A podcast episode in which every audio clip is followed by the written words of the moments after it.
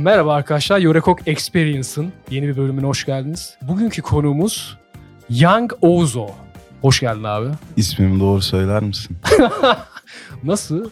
Young Uzo. Girer girmez pot kırdım direkt. Uzo. Uzo. Aynen. Young Ozo mu dedim? ben? Evet ondan daha kolay aslında söylenin. Şeyi merak ediyorum şimdi. Sen internet kültürüne hakim birisin. Ya gördüm, araştırdığım kadarıyla. Evet mecbur kaldım birazcık. Ama o da senin bence bir artistik şeyini de şekillendirmiş gibi geliyor bana. Tabii canım illaki. Değil mi? Aha. O mesela öyle olduğunu düşünüyor musun? Böyle bir spesifik verebileceğin bir örnek var mı kafanda? Rap müzik dinlemeye başladığım insanlar kesin biliyorsun Young Lean. Evet. İşte Avusturya'dan bir örneği var Young Hoon. Ee, ne bileyim işte Future falan var da onlar çok Young internet Lean kültürüne- bambaşka bir kafa. Çok en erken interneti kullanarak meşhur olmuş bir rapçi diyebilirim hatta. Kesinlikle. Ben e, sözleri falan da böyle o dönem çıkan mainstream rap müziğe göre çok farklı. Normal bir tane Nordik çocuğun saçma sapan hayatını anlatıyor aslında. Evet. Enteresan bir karakter yani. Hani mesela bu piyasada nasıl bilinir bilmiyorum ama şeyi de çok seviyorum ben. Çok alakasız tabii. Tyler the Creator var mesela. İlk çıktığı albüm Goblin, ilk çıkan albümü. Hı hı. Onu mesela ilk dinlediğimde bu farklı bir şeyi hissettirmişti bana. Aynı şekilde Young Lean'de. Ve bence günümüzde internet kültürü ve müzik, rap müzik özellikle kol kola gidiyor. Ve bence ya onu merak ediyorum aslında. Ee, Senin şarkılarında kullandığın sözler bir tık daha şey geliyor bana böyle bir Türkiye'nin genel rap piyasasına göre değerlendirdiğim zaman daha böyle dark ve daha böyle samimi geliyor.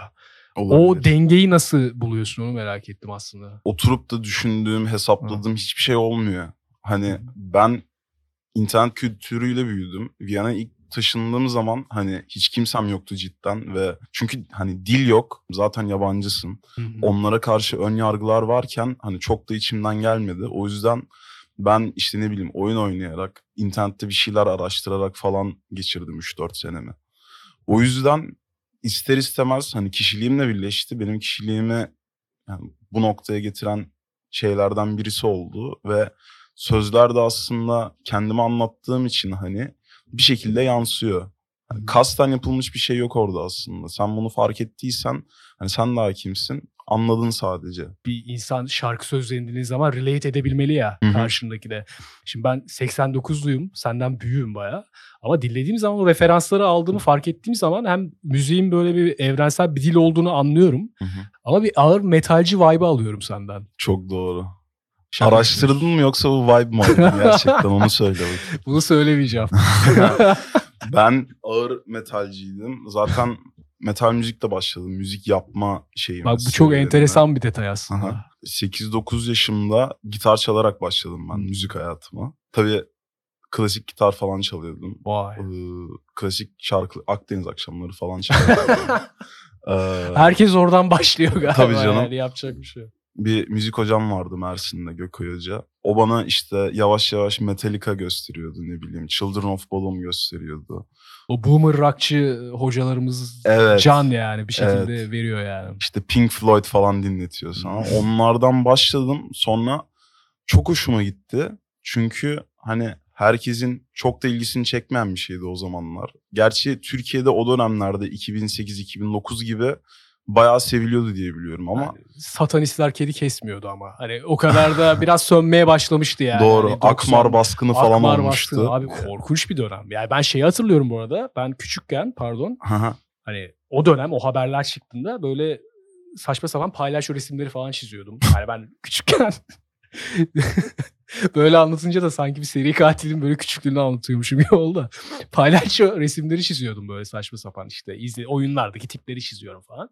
Annem gelip diyor sen satanist mi olacaksın falan bunları çizme falan. Böyle bir kafada bir manipülasyon dönüyordum haberlerde sayesinde ki ben bunun günümüzde sosyal medyada daha büyüğünün bu şekilde döndüğüne eminim yani kitleler üzerinden. Mesela bu şu anki genel olarak belki duymuşsundur rapçi işte ek sözlük falan gibi platformlar işte keko rap versus metal falan gibi çok alakasız onlar oluyor mu söyle- şu an? ya o kafada ilerliyor. Vallahi bana enteresan geliyor yani. Bu konu hakkında ne düşünüyorsun mesela? İnt- insanların bu ön yargısı Türkiye'deki Yani- rap müziğe.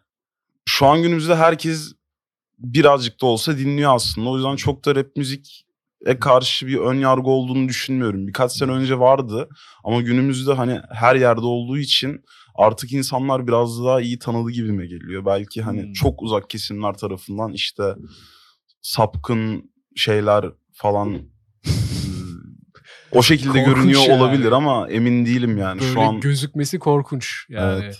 hani tahminimce Viyana'da falan hiç alakası yoktur. Bizim orada da e, rap müzik daha çok e, yabancı işte immigrant kesimin dinlediği müzik olarak tanınıyor ve hani rap müzik denilince akla direkt Türkler ya da Afganlar vesaire belirli Hmm. bir giyinme tarzı. Nike Air Max'ler. e, Kamuflaj falan. Kamuflaj olabilir işte şu çanta, Ah, e, bel çantası. biraz daha böyle British drill tayfayı anımsat dediklerin ama Evet ortak O- noktalar var mi? tabii ki de. Air Max giyimi falan polisten daha hızlı koşmak için.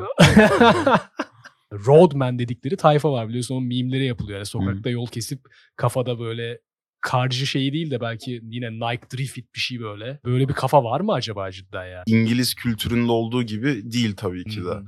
Hani bizde kimse maske falan çekip onu şey yapmaz ya da ne bileyim. Mesela İngiltere'de çok fazla bıçaklıyorlar. Ben bir ara yaşadım bu arada Londra'da. Ciddi Abartı misin? değil. Yani bir 6 ay falan restoranda çalışmıştım. Çok alakasız. Okuldan sinema televizyon okudum ben. Oradan mezun oldum. Her işi yapıyorum o dönem böyle hani kendimi arama kısmındayım. Hı hı. Bir bağlantıyla işte İngiltere'ye Limehouse'u Londra'ya taşındım. Belli bir süre orada bir İtalyan restoranında böyle bayağı lüks bir restoran. Orada çalıştım. E tabii haftanın 6 günü çalışıyorsun. Bir gün tatilim var. Gördüğüm olaylar karşısında şokum yani. 14-15 yaşındaki çocuklar yol kesiyor bıçakla ve kız arkadaşları hamile falan o yaşta.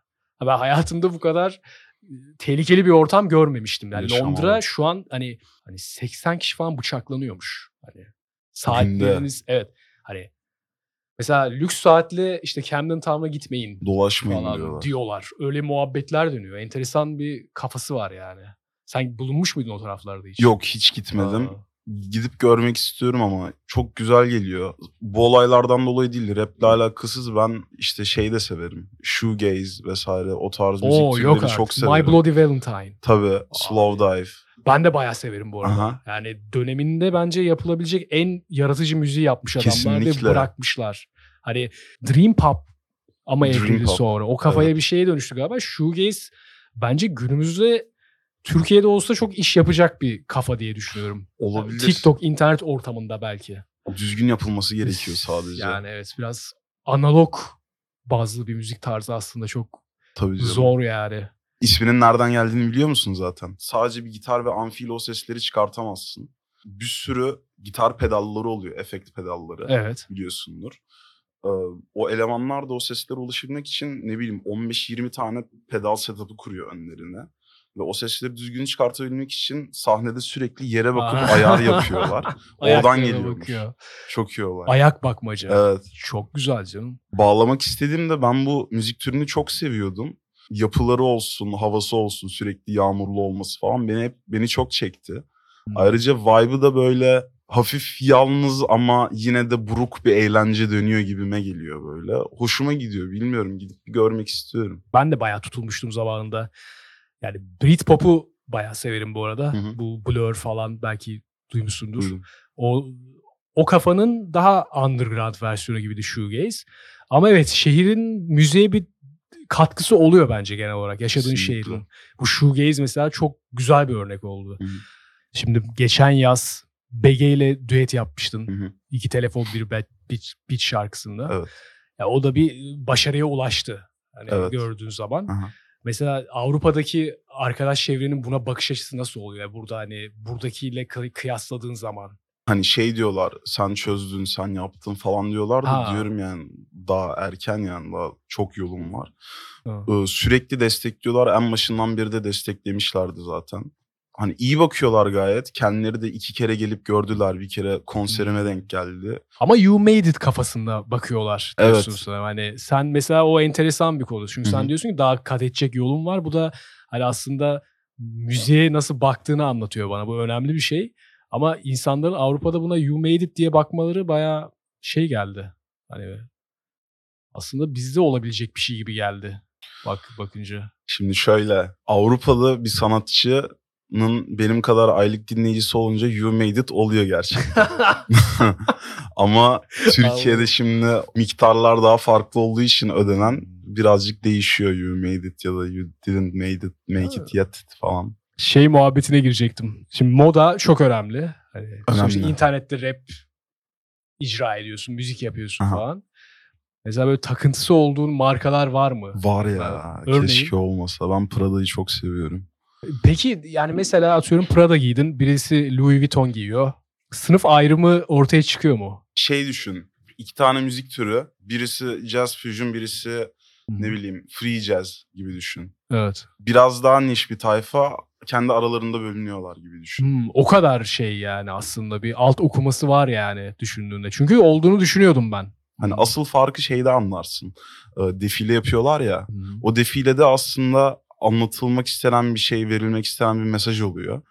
Ee, defileleri izlediğin zaman bu farkları görebilirsin. Hmm. Mesela örnek veriyorum. ee, Undercover var. Daha çok punk şeyinden esinlenip o tarz şeyler çıkartıyor. Ne bileyim yine Japon bir marka olan Capital var. Capital e, New American diye bir estetiği göze almış. Hani Amerikan estetiğini alıp onu Hmm. kişiselleştiriyor falan. Hani hepsinin kendine göre bir farklı bir vibe oluyor aslında. Yani bu de, anlattığın detaylar bence çok önemli. Çünkü baktığın zaman ya Prada giymiş, işte şu markanın yeni şeyini giymiş diye Hı hı. yorum yapılıyor. İşte neydi o Palm Angels diye bir tane marka vardı. Mesela, Birkaç evet. sene önce çok meşhurdu. Hala öyle mi bilmiyorum Hala da. öyle ya.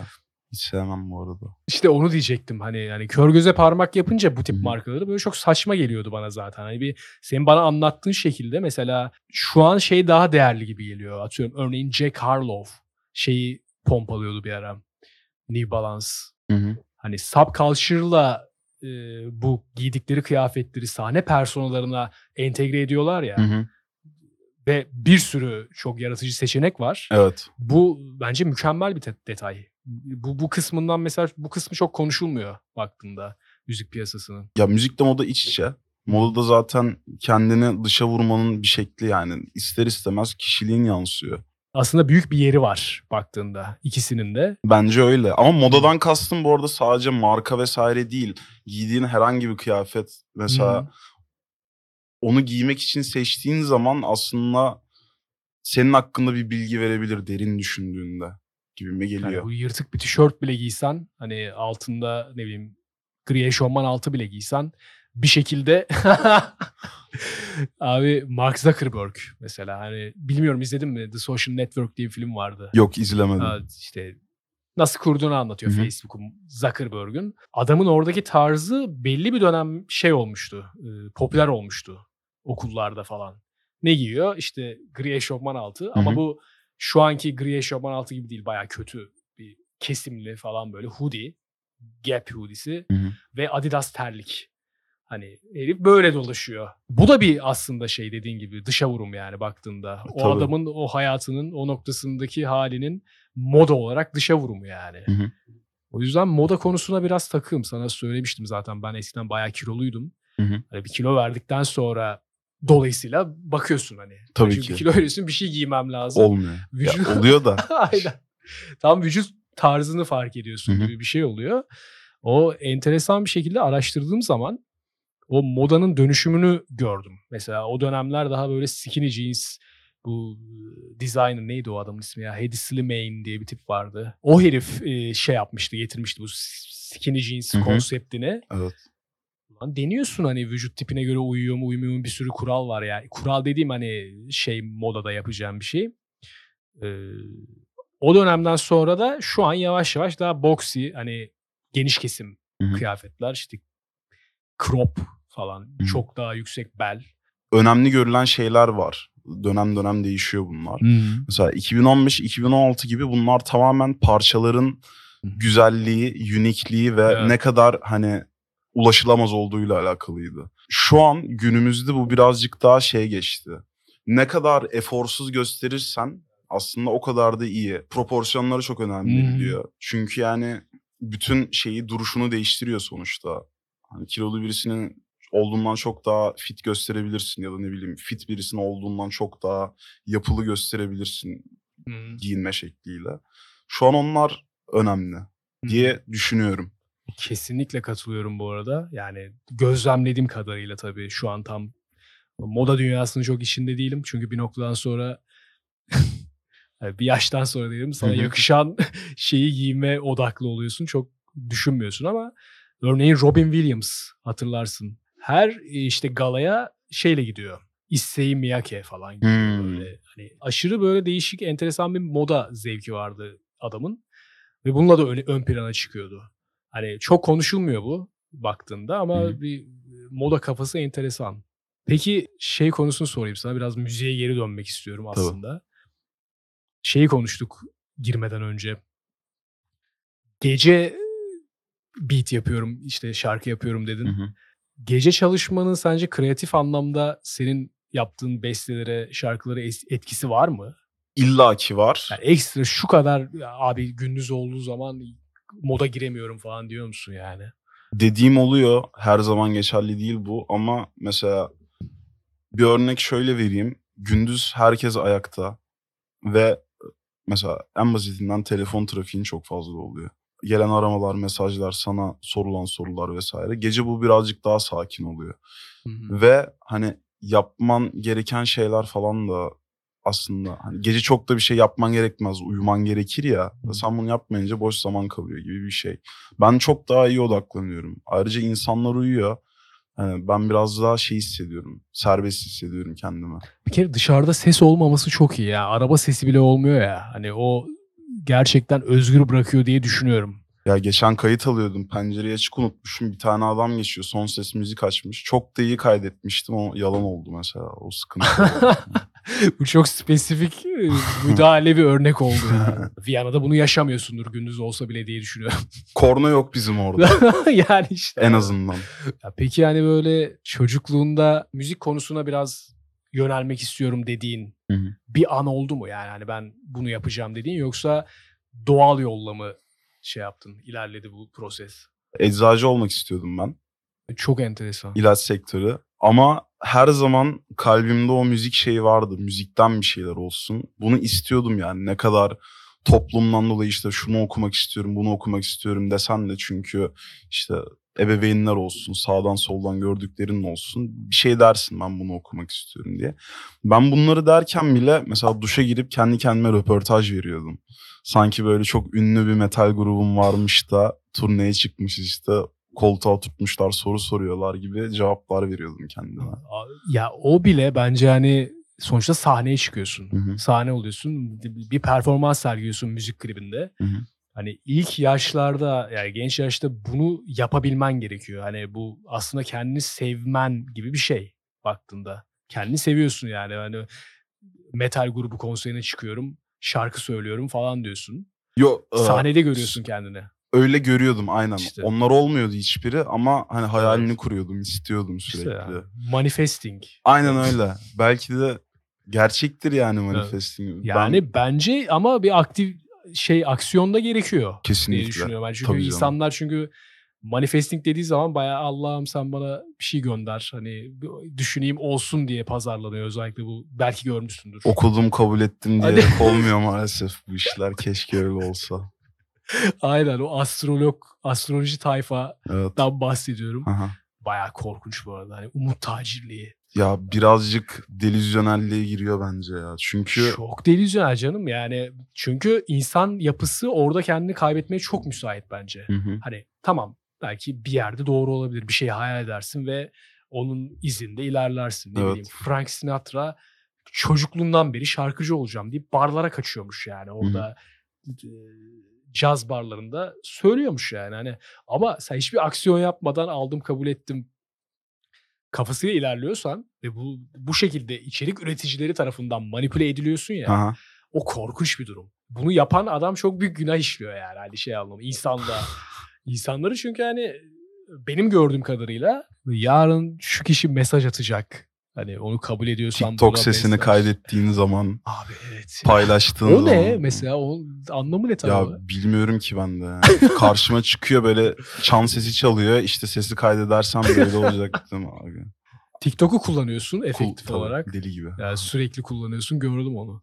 Ama YouTube çok şey yapmıyorsun galiba. izlenmiyor galiba. YouTube birazcık daha yavaş gibime geliyor. Şimdi hepimizin dikkat süresi 3 saniyeye indiği için TikTok hızlı hızlı hızlı hızlı çekeyim direkt paylaşayım. Çok daha kolayına geliyor insanların. YouTube'da çünkü bir kesme biçme yapıyorsun ister istemez yani. Daha yavaş geliyor ne bileyim YouTube'un kitlesi daha yavaş ne bileyim 20 dakika Hmm. Video atınca yine okey ama mesela bir buçuk saatlik videolar var. İnsanlar nasıl izliyor bilmiyorum yani. İzleyebilene de saygım var bu arada. Dikkat aralığı o kadar düştü ki. ya. Bundan Evet. 5-6 sene öncesiyle alakası yok. Hani ben kanala başladığım zaman Hı hı. mesela çok kısa videolar yapıyordum ilk Hı. şeyde. Ya günümüz gibi yapmaya çalışıyordum. 8 dakika falan yapıyordum. Biz şey diyorduk abi bu Aa. ne 8 dakika video mu olur daha çok istiyoruz falan diye. Aynen. Yani bir tık ona yani buna öngörü mü dersin bilmiyorum ama o zaman efektif geliyordu bu kafa. Şu Hı an zaten TikTok sayesinde tamamen e, 15 buna saniyeye dönmüş. düştü. 15 saniyeye falan düştü yani. Ee, çok saçma bir şekilde de YouTube insanların platformunda kalması, platformda kalması ve daha uzun videolar yapmasını istiyor. Şirket YouTube şirketinin kararlarıyla çok günümüz sosyal medyasının uyuşmadığını düşünüyorum aslında bir yerden baktığında. Hı hı. Sen ne düşünüyorsun bu konuda? Yani shorts falan yaptılar sonuçta. İşte. TikTok olma çabaları o da aslında. Yani Baktım. bilmiyorum. Ya şey döneminden sonra ben YouTube'la ilgilenmeyi bıraktım aslında. Bir ara e, hani herkes at koşturuyordu sonra takır takır sansür vermeye başladılar ya işte. Hmm, e, şey- Apocalypse mi diyorlardı ona bu? şey? Bilmiyorum o kadarını. Yani direkt evet E, videolar siliniyor. videolar ediyor. siliniyor. Kanallar işte banlanıyor falan. Hmm. Onlar başladığında ben uzaklaştım oradan. Çok mantıklı çünkü eski YouTuber'ların çoğu da o dönem içerik üretmeyi bıraktı hani baktığın zaman. Hı hı. Çünkü platformun gidişatı zaten hani dandik bir yere doğru gidiyordu. Şu anda zaten tamamen family friendly böyle sadece aile dostu içeriklerin olduğu bir platforma dönüştü. Evet. Ama dediğin dönem bayağı iyiydi. Hani YouTube'un O gelmeden önce çok iyiydi ya. Mükemmel yani tamamen işte her şeyde söylüyorum vahşi batı gibi bir ortam. Hı hı. Hani bir linç kültürünün olmaması çok garip. Hani geliyor mesela bana. Hani isteyen istediği şeyi söyleyebiliyor ve hani istediği hareketi yapabiliyor. Ve herkes de kitlesini buluyor. Kitlesini buluyor. Çünkü algoritma diye bir şey yoktu mesela. O onu hissediyor muydun kullanıcı olarak bilmiyorum ama kesin hissediyorsundur yani. Kesin şu an çok alakasız Evet. şeyler çıkabiliyor Yani mesela. benim videomu yani. mesela senin önüne çıkması çok organik oluyordu Hı hı. yüklüyordum ve ya bu kadar kişi izlediyse herkese gösterelim gibi diyordu yani. Öyle enteresan muhabbetler. Abi o zaman geldiğin için teşekkür ediyoruz. Young Uzo'dan ve benden selamlar. Umarım beğenirsiniz. Hangi Kendiniz... İkisi de olur abi. Kendinize iyi bakın. Bir sonraki Yorakok Experience bölümünde görüşmek üzere. Görüşürüz. See you.